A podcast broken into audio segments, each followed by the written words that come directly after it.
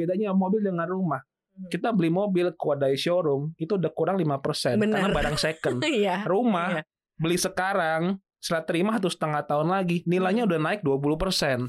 Ingat, lindung nilai itu ya kalau orang tanya, kapan beli emas, kapan beli rumah? Saya bilang, kalau ada duitnya, uang Sekarang. dingin, ya sekarang, kayak Sekarang. gitu. Jangan pikir-pikir dulu gitu. Hmm. Heeh. Itu Karena long term ini.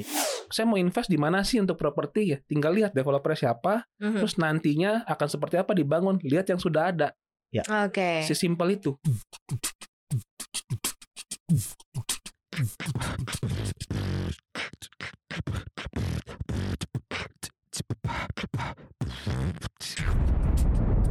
Cuap-cuap cuan.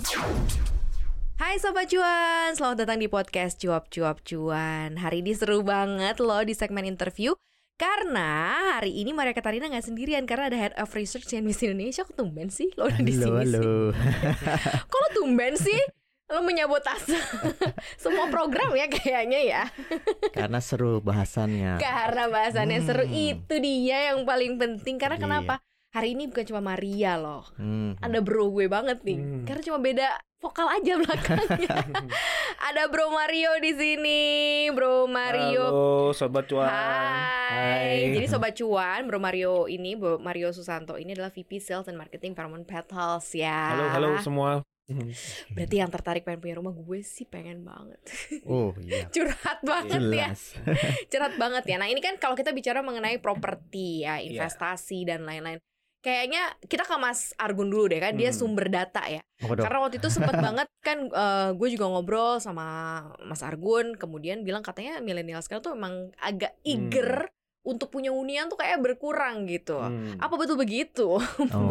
Masih begitu apa enggak sih ada perubahan gak sih? Itu semacam mitos. Semacam mitos ya. Oke. Eh, jadi kalau data mengatakan memang sepertinya kok kayak gitu gitu. Jadi kalau ada data dari eh, Biro Sensus di Amerika gitu ya, Iya. mereka menyebutkan bahwa kepemilikan eh, rumah milenial ketika usia 30 tahun itu rata-ratanya 49% lebih kecil Hmm. dibandingkan Hmm, yang hmm, hmm. generasi di atasnya, baby boomers misalnya 53%. ya. Hmm. Kemudian yang eh, generasi Mhm, X ya, mhm. itu juga uh, lebih tinggi gitu 57% dan kenapa milenial lebih kecil kesannya seolah jadi kayak mereka nggak minat punya rumah padahal itu adalah Nah, horizon waktu iya. ya kan Mhm. karena mereka baru mengumpulkan uang dulu jadi kalau Hmm. masuk di survei yang mengatakan belum belum ingin karena Hmm. duitnya belum ngumpul gitu Mhm. jadi se- sepertinya itu hanya mitos Mitos ya, gitu ya Iya. bro. Di industri juga sebenarnya enggak ya? Ya justru kalau mengacu dari ya saya masih termasuk milenial nggak ya? Kayaknya masuk ya. Masuk Masuk dong, ya. masuk Saya- lah. Pertama kali terjun invest di properti itu usia 26 malah.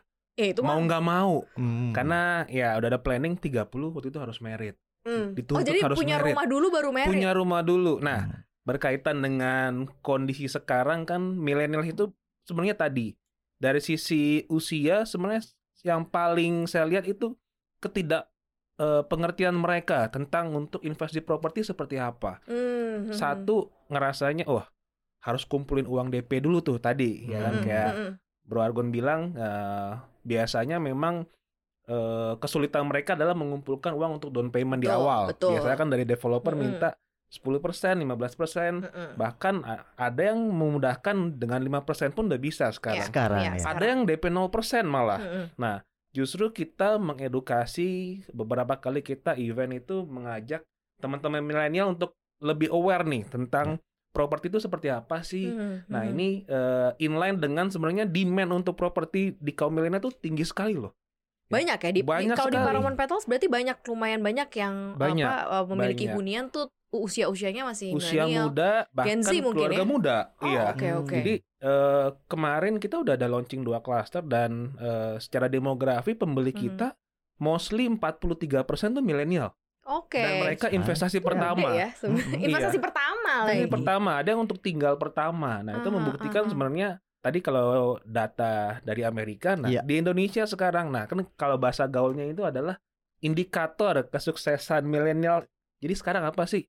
Kan yang hitsnya tuh orang main kripto, anak-anak muda, ah, ah, high return, high demand, ya Mm-mm. kan? Ya. Tapi mereka belum terlalu eh, passionate banget buat ke properti. Kenapa? Ketidaktahuan mereka itu.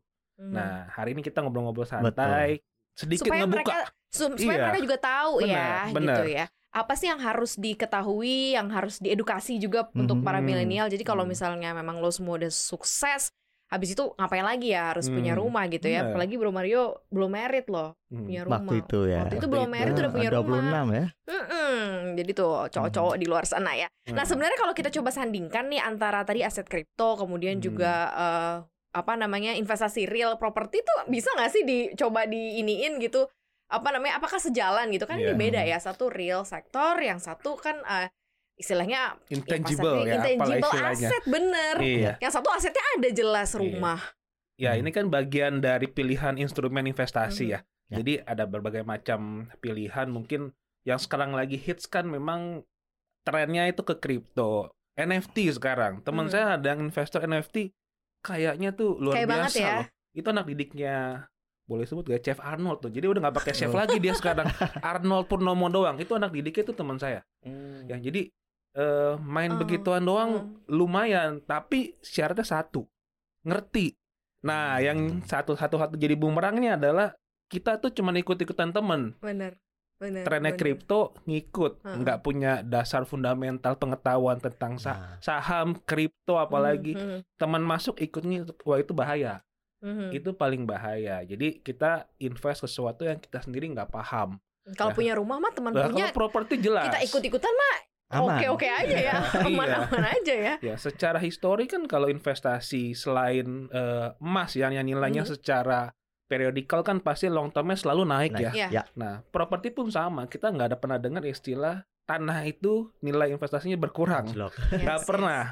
Jadi memang ya bisa dibilang kalau properti kan mid and long term investment. Jadi Mhm. memang beda dengan istilahnya binatangnya beda lah antara kripto dengan properti itu kan berbeda. Ya. Mhm, Kita di mhm. high return, high risk juga. Tapi di properti ya itu low risk ya memang returnnya bisa dibilang tidak sekencang yang lain. Tapi in long term Mhm. atau eh, middle term itu pasti akan terus meningkat. ya much much better lah ketimbang Iya. lo harus jadi Hmm. kontraktor kan Hmm. kontrak Iya. sana sini maksudnya mending punya rumah sendiri ya Iya. kan itu yang paling penting nah sebenarnya tren yang saat ini terjadi mungkin Mas Argun eh Nah. milih para milenial ini kepengen sebenarnya eh, hunian yang kayak apa sih karena ada banyak pilihan eh, apa namanya perumahan kemudian ada banyak pilihan eh, tempat tinggal kan Hmm. jadi lebih mengacunya ke mana sih mendingan nih ya eh, ke pinggir Hmm. gitu ya tapi akses transportasinya lumayan sampai ke tengah kota kerja eh, oke Hmm. aman atau nyarinya ya udah deh nggak apa-apa kecil tapi di Hmm. tengah kota kayak ngejer gitu Hmm. karena pengen lebih deket sama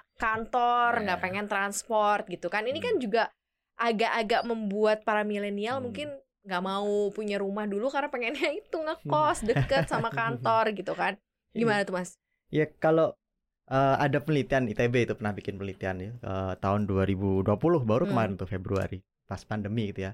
Ternyata milenial di Indonesia itu dia eh, memilih preferensi rumahnya itu Mhm. atau propertinya ya.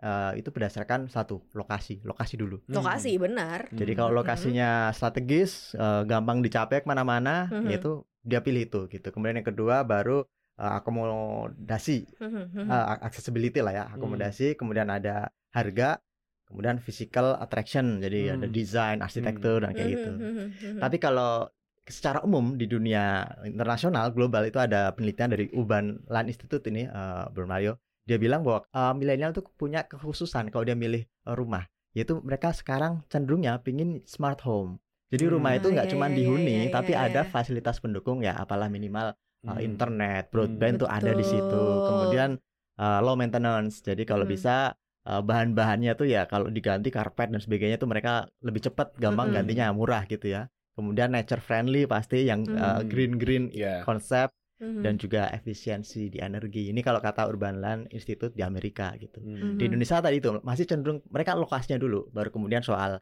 desain arsitektur uh, nomor tiga empat tadi belakangan itu. karena Ya. tata employee juga sih ya pekerja ya Mm-mm. pencari nafkah di tengah kota gitu kan jadi Iya. balik lagi ini mungkin jadi pertimbangan nah gimana nih bro lo Iya. melihat bahwa memang ada kecenderungan ke sana ya bener sih kan Benar, pengennya kalau pulang ke rumah kan relax santai gitu kan nggak tua di jalan ya. itu dia bener Iya. Pertama mungkin akses, kedua adalah tadi disebutkan eh, apa? Lebih ke yang eh, one stop living. Jadi baik rumahnya sendiri tuh friendly untuk maintenance dan juga kawasannya yang tadi yang green. Hmm. Ya memang itu udah jadi syarat utama sih. Nah, Mhm. cuman juga jangan salah. Tadi Mhm. lokasi penting. Kita ada istilah dulu kan 3L, lokasi, lokasi, lokasi. Mhm. Ya kan syarat memilih Mhm. suatu eh, hunian atau investasi. Tapi yang kedua yang menurut eh, gue lebih penting itu adalah who's behind the project. Oh, Oke. Siapa developernya. Hmm. Nah, itu kadang kita penting nih. Selalu saya kalau ketemu teman-teman atau kita biasanya kumpulkan dari berbagai macam industri itu ya. Iya. Mereka udah mulai nih. Sebenarnya udah dari 5 8 tahun yang lalu tuh kita kalau ketemu udah ngobrol itu investasi. Hmm. Jadi ada yang sharing tentang properti, ada yang sharing tentang saham. Nah, Mhm. ya kalau pas kebetulan properti ya gue bisa sedikit kasih tips lah buat mereka. Jangan cuma tertarik lokasi oke, Mhm. tampilan rumah oke, nantinya ya karena kan Iya. yang dijual pertama kan kalau rumah Indian kan hanya brosur, gambar. Iya bener. ya. Iya. Kita betul kadang nggak ngerti tapi Iya yang ngebangun itu siapa, Iya, iya, iya, track iya, recordnya seperti apa. Nah, jadi itu adalah faktor kedua yang menurut saya tuh cukup penting. Iya. Jadi Karena ini jangka panjang ya, Bro. jangka Hmm. panjang dan komitmennya seperti apa kita kalau Hmm. nggak tahu ya kan kayak kita mau tunangan mau nikah ketemu dengan calon Mhm. ya kan kita harus tahu dong nih komitmennya nih orang gimana nih nanti gua ke depannya tuh bisa settle nggak ya kan Hmm. komitmen tuh penting termasuk juga dengan developer suatu perumahan komitmen dalam artian tuh Betul, betul. Jangka waktu bangunnya dibilang 18 bulan bener nggak nantinya dibangun 18 bulan Hmm. nantinya Hmm. akan ada Hmm. fasilitas ini ini ini bener nggak dibangun ya. nah Mhm, itu mhm. nah makanya penting untuk mengetahui adalah siapa di balik proyek tersebut nah ini tips kedua. Mhm. selain lokasi saya tambahkan developernya Betul. siapa itu penting Betul. Hmm, berarti emang itu sebagai salah satu acuan juga ya. Jadi Ya, nggak milenial melulu harus tahu nih. Karena nggak melulu lokasi, karena kan Mm-mm. kalau masih lokasi, lokasi, lokasi ya nanti nggak dapet yang lain. Apalagi udah pilih lokasi developernya banyakan Iya. janji ya. Mhm. dan banyak loh kejadian yang memang mereka terbuai dengan yang dijanjikan di Di awal brosur Mhm. itu aja ya. akhirnya nggak komit dan nggak dibangun uang udah Mhm. masuk Hmm. ya Udah kadung kalau kayak gitu bagus kan. dibalikin Mm-mm. kalau enggak ya kan Iya. Nah, mau, jarang mau ada yang pull out, mau dibalikin ya cabut sih. juga udah susah ya. justru itu dibalikin pun berapa kan jadi ya itu penting. Nah, jadi paling gampang kan kita lihat track record suatu developer kan dilihat aja di browsing. Ini developer pernah bangun di mana aja sih? Ya proyeknya mana aja. Nah, kita pergi lihat, uh, kayak gini loh tampilannya. Nantinya nih rumah yang gue beli nih kawasannya akan seperti ini loh. Nah, itu kan bisa jadi benchmark kita Ya. benar apa enggak kita ngambil produk ini. Itu Mhm. sih. Nah mungkin Hmm. disambung juga nih bro, eh, bagaimana juga eh, peran eh, Paramount Hmm, juga nih ya hmm. dalam ya itu eh, memberikan satu janji dan Hmm. juga bukti pastinya untuk Ya. para millennials yang pengen punya hunian Hmm, gitu ya. Artinya untuk supaya bukan hanya dalam brosur tetapi dalam kenyataannya Ya. juga sama nih kayak gimana Ya. nih bro? Jadi kalau khusus untuk Paramount Land eh, kita sudah memiliki track record terbukti di Kota Gading Serpong. Mhm. Jadi Paramount Petal adalah proyek eh, selanjutnya terbaru dari Paramount Land yang kita kawasan pengembangan itu di 300 hektar. Nah, pengalaman sebelumnya kita sudah mendevelop kota baru di Gading Serpong seluas 1000 hektar. Hmm. Ya, jadi kalau Bro and Sis atau eh, sobat cuan butuh tahu kira-kira nih Paramount membangun kota seperti apa sih, tinggal datang ke Gading Serpong. Ya, Lihat, ya. kita kebetulan ber- bergandengan dengan developer eh, saudara kita eh, Sumarekon di Gading Serpong. Mhm. Jadi kalau Bro and Sis datang ke eh, Gading Serpong ngeliat tuh sebelah kirinya Paramount, sebelah kanannya Sumarekon. Sumarekon. Ya, Hmm. dan kotanya seperti apa. Hmm. Nah, kurang lebih nantinya template yang akan kita eh, realisasikan di Paramount Petal pun akan sama seperti itu. Mhm. Jadi suatu kota baru yang nantinya pastinya perimbangan antara kahunian, komersial, Komersial. Terus eh, kawasan juga untuk F&B, tempat hangout, fasilitas rumah sakit, kesehatan ya pastinya, terus juga pendidikan itu semua akan kita hadirkan di Paramount Petal. Mhm. Dan eh, ya paling gampang lihatnya itu aja. Jadi Hmm. mau saya mau invest di mana sih untuk properti ya? Tinggal lihat developernya siapa, Mhm. terus nantinya akan seperti apa dibangun, lihat yang sudah ada.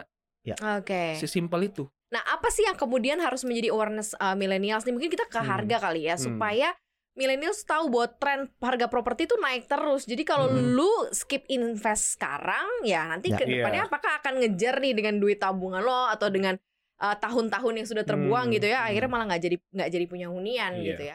Dari data kan trennya juga naik terus kan, mas walaupun kemarin ada pandemi dan lain-lain gitu. Iya memang nilai dari aset eh, apa ya yang buat safe haven, lindung Mhm. nilai kayak emas, Hmm, termasuk properti juga, itu memang selalu meningkat. Hmm. Eh, kalau kita bicara soal volatilitas harga, ya. Kalau kita Hmm. bicara emas kan harganya per hari juga turun naik Ya, turun naik. ya. tapi tidak ada depresiasi dalam arti periode setahun dalam jangka menengah jangka panjang itu nggak pernah ceritanya mereka turun gitu Hmm. karena mereka Mhm. inline dengan inflasi bahkan lebih Mhm. tinggi dari inflasi jadi kalau sobat cuan ingin eh, mengamankan asetnya ya ke sini gitu dan Mhm. harus diingat loh kalau kita bicara investasi kan harus ngomong skala prioritas Ya, jadi betul, prioritasnya betul, betul. sekarang apa kalau prioritasnya emang eh, belum punya rumah dan masih ngontrak Hmm. ya itu dulu yang dikejar jangan saham dulu baru kemudian mikirin properti Mm-mm. kebalik Mm-mm, harusnya dia salah mikir ya. properti dulu Benar. baru trading saham. Karena Iya. apa? Kalau ngontrak itu kan berada ada overhead cost Iya, yang keluar tiap bulan. Hmm. Overhead cost tuh yang biaya nggak bisa kita ini, nggak bisa tiap kita tahun harus disiapin Benar. sekian Mm-mm. gitu kan. nggak bisa kita hemat-hemat nggak bisa karena Iya, tiap iya, bulan iya, harus iya, segitu. iya, Kalau iya. nggak ya standar kehidupan Anda turun gitu.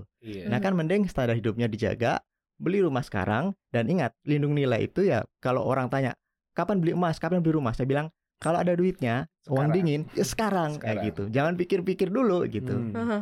Itu Karena long term ini gitu. Ini karena sifatnya long term ya. Ya. Kan tantangan satunya lagi nih kalau misalnya beli- rumah selain tadi lokasi, terus kemudian juga tadi ada developernya di belakangnya kan supaya jadi investasi yang menguntungkan harga jual kembali atau mudah untuk menjual kembali kan itu pada prinsip dasarnya investasi Mm-mm. banyak sih Hmm. rumah-rumah di mana-mana yang mungkin harganya lebih murah gitu kan terus kemudian uh, lokasinya memang sama-sama Iya. jauh tapi akhirnya susah dijual lagi karena Benar, benar. ketertarikan orang Benar. terhadap tempat itu nggak nggak oke Iya, gitu ya. iya. Ini kan berarti challenge juga nih, Iya. ya Nah, kan? tips ketiga saya tambahin tadi. Mhm. Jadi selain ngelihat developer siapa, terus skala pengembangannya kawasan ini akan seperti apa. Mhm. Kalau skala kota seperti Paramount Petal, ya Oh, jadi iya. 300 hektar, pastinya tidak hanya menjual satu dua klaster terus developernya selesai. selesai. Mhm. 300 hektar itu pengembangan bisa 15-20 tahun minimal. Hmm. Bahkan kita sekarang masih pembebasan tanah terus. Ya. SK pengembangannya 300 hektar, tapi physically kita udah kuasai lebih dari itu. Mhm. Ya, Hmm. jadi eh, skala pengembangan itu penting. Jadi tadi terkaitan dengan nantinya Nilai. ya? ini nilai investasi ke depannya seperti Hmm, apa. oke. Mhm. Akan Kalau- berbeda sekali rumah yang cuman di develop 3-4 klaster dengan Selesai. akan 25 klaster, 30 klaster. Mhm. Dan yang terpenting, paling penting nih selanjutnya adalah untuk proyek-proyek pengembangan yang baru seperti Paramount Petal kita sebutnya sunrise property. Hmm. Jadi kayak sunrise Hmm. matahari terbit, Terbit, ya. yes. Jadi kalau kita makin pagi keluar rumah nikmatin sunrise itu dapat panasnya lebih banyak ya kan Ya, sampai ya. jam 11 Ya. gitu. ya. Mhm. Nah, sama seperti properti. Sunrise property itu adalah saat kita tadi disebutkan siapa yang masuk duluan, masuk sekarang. Ya. Mhm. Dia akan menikmati cuannya itu tuh lebih, Lebih panjang, banyak. lebih panjang dan lebih Iya. ya kan karena memang eh Hmm. kita masih mulai di harga-harga tahap awal. Kita kan ada planning pengembangan rumah satu lantai dulu, nantinya rumah dua lantai, Hmm. bahkan rumah dua lantai yang mewah. Jadi masuk sekarang peluang buat kenaikan nilai investasi ke depannya ma- semakin besar Ya. dibanding masuknya nanti lima tahun lagi Mhm. yang harga rumahnya pun mungkin udah di atas 2 m Mhm. ya tetap akan ada peningkatan tapi mungkin secara signifikan tidak sebanyak pada saat masuk di awal. Awal. Nah itu, Hmm. jadi kapan waktunya untuk masuk untuk investasi atau untuk tinggal ya pada saat awal pengembangan. Nah ini Mm-mm. yang kita tawarkan sekarang di Paramount Petal. Kita baru setahun pengembangan, Ya. masih panjang ke depannya. Mhm. Iya. Itu. Ini kalau dilihat dari momentum eh, prinsip dasar dalam investasi properti itu apa sih yang harus diketahui nih para milenial gitu supaya Mm. mereka eh, apa benar apa ada cara lain gitu ya Bro Hmm. Mario artinya ketika mereka harus nabung dulu sampai DP atau mungkin Hmm. ada semacam kemudahan lain jadi mereka nggak perlu lagi eh, apa namanya menyimpan atau mungkin ngumpulin DP sampai Iya. bertahun-tahun dan nanti lupa tiba-tiba ada kebutuhan yang lain-lain akhirnya nggak kebeli juga gitu rumahnya nih gimana Iya. sih mungkin prinsip dasar awalnya nih Iya, Ah, mungkin Apakah harus ngumpulin DP Oh, dulu gitu? Saya bilang tadi, jadi ada beberapa developer ada special program ya. Kalau kebetulan kalau di Paramount Petal kita paling minim DP-nya itu 5%. Hmm. 5% dari 800 juta sekitar 40 jutaan. Hmm. Which is masih oke. Ya. Dan angsurannya start dari 6 juta per bulan Mhm. untuk KPR-nya. KPR Hmm. 20 tahun. Ya. Jadi dulu pengalaman saya pribadi ngambil angsuran 3 jutaan. Tapi kalau pada saat kan tiap nggak mungkin kita gaji nggak naik-naik kan, tetap naik kan. Mhm. Kalau ada Mhm. tabungan lebih harusnya jangka waktu 15 tahun, 10 tahun saya rasa saya bisa lunasin nih. Lunasin Hmm. lebih cepat. Ya kan invest lagi yang lain. Mhm. Dan jangan salah. Ah, gua nggak mau ngutang ah istilahnya, nggak mau Hmm. punya utang. tergantung utangnya dalam barang apa dulu, barang konsumtif. Ya. itu Ya. rugi. Mobil ya, mobil itu Ada Perbedaannya- depresiasi. Ya. depresiasi. Bedanya mobil dengan rumah. Mhm. Kita beli mobil keluar dari showroom itu udah kurang 5% Bener. karena barang second. Iya. Rumah Iya. beli sekarang setelah terima satu setengah tahun lagi nilainya Hmm. udah naik 20%. minimal itu ya. perbedaan properti dengan otomotif. Otomotif. Ya. Ya, jadi DP ya mau nggak mau bahkan ada yang menawarkan DP 0%. Mhm. Tapi Mhm. tergantung lagi nanti dari eh, BI checkingnya dari calon Ya, ya. konsumen tersebut apakah mereka qualified untuk diberikan kredit tanpa DP. Balik Hmm. lagi ke ketentuan bank nantinya karena kan akan dicek backgroundnya tuh. Ya. Kalau memang dia mampu dan bankable akan dikasih tanpa DP. Mhm. Tapi ya kumpulin dulu lah 3 3 4 bulan DP 40 juta selanjutnya KPR masih oke lah worth it. 6 juta sebulan. Berarti itu per hari itu kurang lebih 200 ribuan ya. Kalau udah nikah bisa double income juga. Double income bisa ya. digabung, iya. Jadi sebenarnya sangat mudah sih. Cuman kuncinya mau atau tidak. Mhm. Kadang itu kan. Iya. Ya, kadang milenial itu masih egonya ini masih ngelihatnya kan pergaulan yang utama nih. Teman-temannya lu Iya. invest apa? Iya. Lifestyle juga. Ya kan? Ya Iya. jadi lifestyle. Kalau ke kafe bawanya ini tinggal buka monitor, wah liatin kriptonya naik turun apa enggak. kan keren ya kayak gitu ya. Kalau properti nggak bisa digituin ya. ya itu sebenarnya itu ya itu pemanis lah. Ya. Tapi kalau yang ngerti beberapa teman-teman saya main kripto, keuntungannya dilemparin ke properti juga. Mhm. Jadi dia dapat untung di kripto, investasi di properti karena dia tahu yang aman itu di mana. Ya, jadi Benar, benar. itu. Selain aman ya ini untuk masa depan juga Betul. gitu ya Dan- lifetime dan ini ya. basic needs, kebutuhan Hmm, dasar hmm. loh ini. Tapi basic needs itu juga harus dises apa disesuaikan juga dengan apa ya kebutuhannya juga dari Hmm. si uh, milenial tersebut. Nah, kalau dari lo uh, Mas Argun, Hmm. Kenapa itu para milenial gitu ya? Berarti ke gue juga sih. Ya. Harus punya properti. Ya itu tadi, ini uh, basic needs. Uh, Gak usah mikir investasi kalau anda belum punya properti, belum punya rumah hunian, Mhm. harus punya gitu. Hmm. Mhm. Uh, kecuali mau jadi bagian dari sandwich generation. Artinya dari sekarang mumpung masih tua muda juga gitu ya. Iya, dan uh, sekarang kalau uh, teman-teman uh, sobat cuan itu memang berencana mengembangkan ya uh, tahap kehidupan selanjutnya, menikah dan seterusnya, Mhm. maka Mhm. kepemilikan rumah itu afdol, hukumnya wajib gitu. Karena masa mau ikut sama ini Iya. mertua? Nah, kan gitu. pondok nggak indah, seru. pondok mertua indah ya. Khususnya buat kalau cowok-cowok loh, mah. Malu ya. ya, Iya. malu ya. Itu pride tersendiri. Saya pengalaman pribadi pada Hmm. saat pas ketemu calon mertuanya yang Sudah kamu punya kerja rumah. di mana?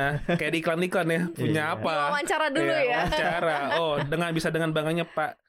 Saya udah empat tahun ini nyicil rumah di sini meskipun masih KPR tapi saya, oh bagus dong itu pengalaman Iya. saya pribadi udah Mhm. langsung naik level di mata calon mertua ya Hmm. enggak Mhm. tapi kalau oh saya masih ikut di rumah oh tadi balik Mas Argun bilang ya Iya. kelasnya tuh beda lah confident kita sebagai eh, cowok Iya, khususnya ya iya. Hah? ditanya udah punya apa bukan mobil kalau calon mertua nanyanya lihat mobil Mhm. Iya. ya kan apalagi betul. dibilang oh saya nyicil sendiri usaha kerja sendiri investasi kecil-kecilan investasi pertama rumah wah itu langsung "Hmm, oke silahkan ya kan ya, ya.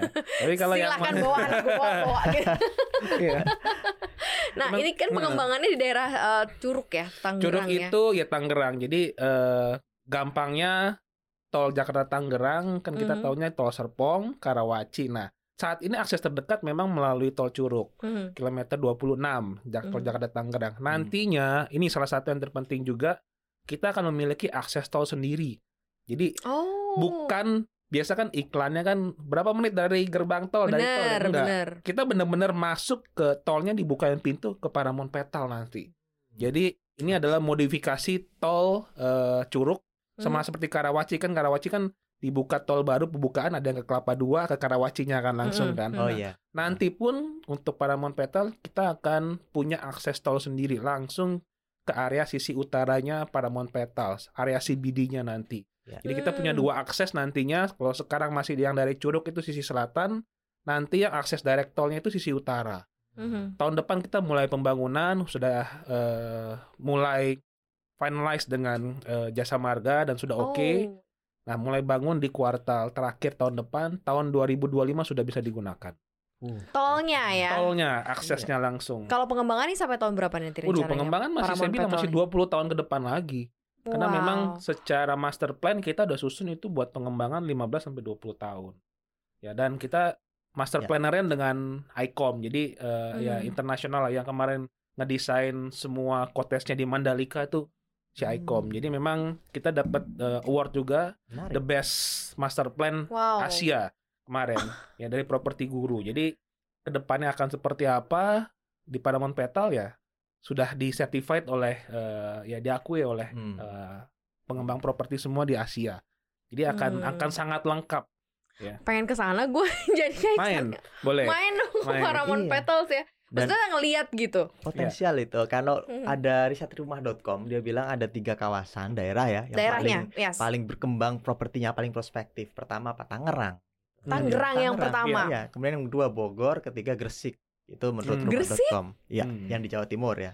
Oh. Jadi kalau yang dekat-dekat Jakarta, Jakarta sendiri udah dinilai nggak potensial. Jakarta Tetapi- udah no no Terlalu ya. crowded ya. Crowded. Hmm. Tangerang yang paling potensial karena menurut dia bisa ada kenaikan 20 sampai 40 persen per tahun Hmm. har- Ih, nilainya gitu. gokil sih. Jadi ya kalau ini curug di Tangerang kan, Curug, iya, Dan dan, sana- nanti akses itu jadi, ya, itu pasti, Pasti. langsung booming. Iya. Ya. Dan jadi sekarang iya, dong ya sekarang. sebelum aksesnya jadi gitu Iya. justru. tuh Maria tuh.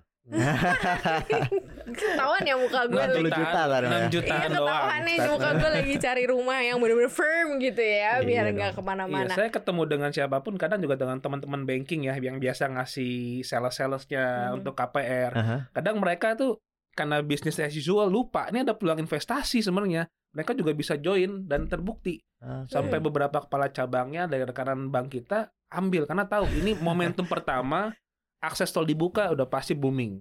Nah ini pengalaman saya pribadi dulu. Saya Hmm. ada rumah di Graha Raya belakang eh, Bintaro sebelum akses tol Alam Sutra dibuka. Iya. Itu 2009 saya beli masih 300 jutaan. Ya. Dua tahun lalu saya lepas sudah 1,4 m. Ya, karena memang akses tol. Gila. Jadi memang itu akses yang utama tadi ya. Mas Hmm. Argun sebutkan Iya. tadi eh, udah paling powerful lah Iya. ya. Karena aksesibilitas tuh yang memang orang cari. Iya. Ya. Kita nggak bisa mengharapkan harga segitu di tengah kota. Hmm. Tapi ini pun harga 800 jutaan start Ya. konektivitasnya sudah tersambung ke mana-mana. Ya, why not gitu. Nilai Itu- investasinya iya. juga berapa 20 sampai 30 persen. 40%. 40 persen. Tahu. Kenaikannya Terbukti per itu tahun. terbukti sih. Iya. Terbukti. Nah sekarang buat para millennials nih, buat sobat cuan nih yang Hmm. dengerin kita supaya semakin cuan, eh tipsnya deh gitu dari Mas Argun gitu ya untuk memulai investasi sekarang dan nanti langsung Iya. disamber sama Bro Mario pastinya gitu Hmm. ya. Ya pertama pasti sobat cuan ini Hmm. harus ngubah mindset gitu. Hmm. Oke. Kalau mindsetnya dikira milenial harus eksis di uh, Instagram dan lain-lain, di Hmm. kafe dan sebagainya. Nah itu harus di di inilah Kasihan diubah. hidup lo ya. Punya Skalanya, rumah skala hidup Anda itu bukan di uh, Hmm. media sosial, Yes. tapi di dunia nyata. Nah di dunia nyata Anda perlu apa? Ya itu investasi di situ dulu. Mhm. Kalau sekarang perlu hunian, ya itu dulu dimulai. Uh, lifestyle ngikuti setelah itu. Ya, kan? Kemudian yang kedua baru kemudian kita bicara investasi yang lain. Karena tadi itu uh, rumah ini basic needs. Kemudian yang kedua uh, dia itu bisa jadi lindung nilai untuk Hmm, aset kita hmm, gitu. iya. Selalu Hmm. akan meningkat uh, uh, harganya. Sementara kalau kita bicara investasi sampingan, saham dan lain-lainnya, itu kan ya fluktuatif. Betul. Risikonya tinggi. Nah, Mhm. kalau di sini tadi udah ada tuh tips-tips dari Bro Mario. Mhm. Jadi biar masuk di properti yang risikonya nggak ada, apa aja tadi udah ada tiga Hmm. tips itu Mhm, yang saya pikir uh, manjur itu. Dan satu Iya. lagi ya lo nggak usah mikirin dulu punya kripto, punya saham, Nah. ini punya rumah dulu itu Hmm, yang paling penting ya noted ya. benar. Kalau dari lo gimana Bro Mario Iya. nih tips Kalau dan dari gue nyambung ya. Jadi Mhm. properti itu sebenarnya jenis investasi yang hassle free ya. Istilahnya nggak usah pusing. Hmm. Beli, diemin aja nggak usah diapa-apain. Ya Hmm. kan? Buy and wait. Ya. Jadi beda dengan yang lain kripto ataupun apa. Tiap hari harus pantengin tuh ngeliatin. Itu Deg-degan pula. kena ke mental sama pikiran loh. Ya. Iya. Ya kan? Iya. Saya pernah main kripto juga. Hidupnya jadi nggak bener kalau yang nggak bisa handle. Iya. bener Bangun sih, tidur mau tidur buka handphone ngeliatin. Gue mau lepas yang mana. Bukan maksudnya. Tapi ada orang yang memang passionnya di situ is okay. Mhm. Dan kedua dikuasain teorinya, fundamentalnya dia tahu, bukannya Hmm. ikut-ikutan. Mhm. Cuman sama kalau nggak ngerti gituan jadi kayak gambling kita kan. Yes. Nah, jadi properti itu saya bilang beli, tahu developernya siapa, pengembangannya akan seperti apa, ya kan? Tinggal diamin aja. 5 tahun, 10 tahun tinggalin ya pasti nilainya akan meningkat dengan sendirinya. Dan yang Hmm. kedua adalah kuncinya apa buat sobat cuan mau, Iya, Hmm. benar sih. mau dulu ya kan saya mau beli rumah nih. Ini ya bukan kan? perkara bisa nggak bisa ya. Iya, Mau dulu. Mau dulu ya. Iya, jadi memang sekarang indikatornya saya bilang tadi di awal, eh, pride-nya itu atau gengsinya kalau masih ke hal yang fisik ya itu susah. Tapi ya udah mau dan kita memang buktikan ya gue udah punya investasi di properti. Ya. Itu kelasnya langsung naik dengan sendirinya. Mhm. Ya, itu kuncinya mungkin itu aja sih dari saya. Gitu sobat cuan. Nah, mungkin kalau sobat cuan mau ke sana ke Paramount Boleh. Petal supaya nggak nyasar. Boleh, langsung ketik aja Paramount Petal di Waze. Mhm. Ya, jadi kita setiap hari marketing gallery kita buka di belakangnya langsung ada rumah contohnya. Hmm. Kita Hmm. masih rumah satu lantai tapi kita ada tambahan mezanin karena memang floor to ceiling kita tinggi. itu milenial banget itu. Iya, ada mezanin, bisa ada penambahan space sampai 11 meteran. Jadi itu bisa buat ya ruangnya. Masih bisa jadi rumah tumbuh gitu gak sih? Iya, yang... bisa. Jadi bisa rumah healing yang mereka kadang Mhm. dipakai buat eh, ruangan gamers atau ada beberapa yang beli anaknya seneng ngelukis. Jadi dibikin studio buat ngelukis. Oh, Mhm. Jadi nice. dan itu memang oke sih tampilannya Mhm. rumah dua lantai karena memang eh, fasadnya tinggi. Ya, jadi beli rumah satu lantai dapatnya dua lantai Mhm. dan sudah tiga kamar tidur. Jadi Hmm. kalau eh, temen mau ngi- mau nginep atau orang tuanya mau nginep sudah bisa. Iya. 800 juta tiga Dengan kamar luas tanah tidur. berapa? Bro? Luas tanah 6 kali 12 Oh, 72 Wow. ya. Bangunan 51 dan eh, kita konsepnya modern minimalis. Cakep dari rumah. Datang lihat Naksir beli. Nah, Ya. nanti beli. ya dikasih nanti dikasih tahu yang paling murah cara bayarnya seperti apa yang paling gampang apa diskusi dengan sales kita di sana. Siap membantu Sip, pastinya sip, ya. Sip. Siap membantu pastinya semua informasi di Paramount Petals begitu ya bisa didapetin dan juga sobat cuan bisa langsung berkunjung juga ke sana ya. Apalah begitu ya pakaian-pakaian yang kalian Iya, pakai ya, apa pun brandnya apa pun itu kalau misal belum punya rumah kayak malu Hmm. ya. Ada rumah nggak bisa ke kosan doang sempit ya susah ya. Jadi sekarang uh, ubah mindsetnya ya sobat cuan ya untuk bisa punya uh, hunian, jadi punya rumah atau properti. Ya. Sekarang nggak usah ditunda-tunda lagi.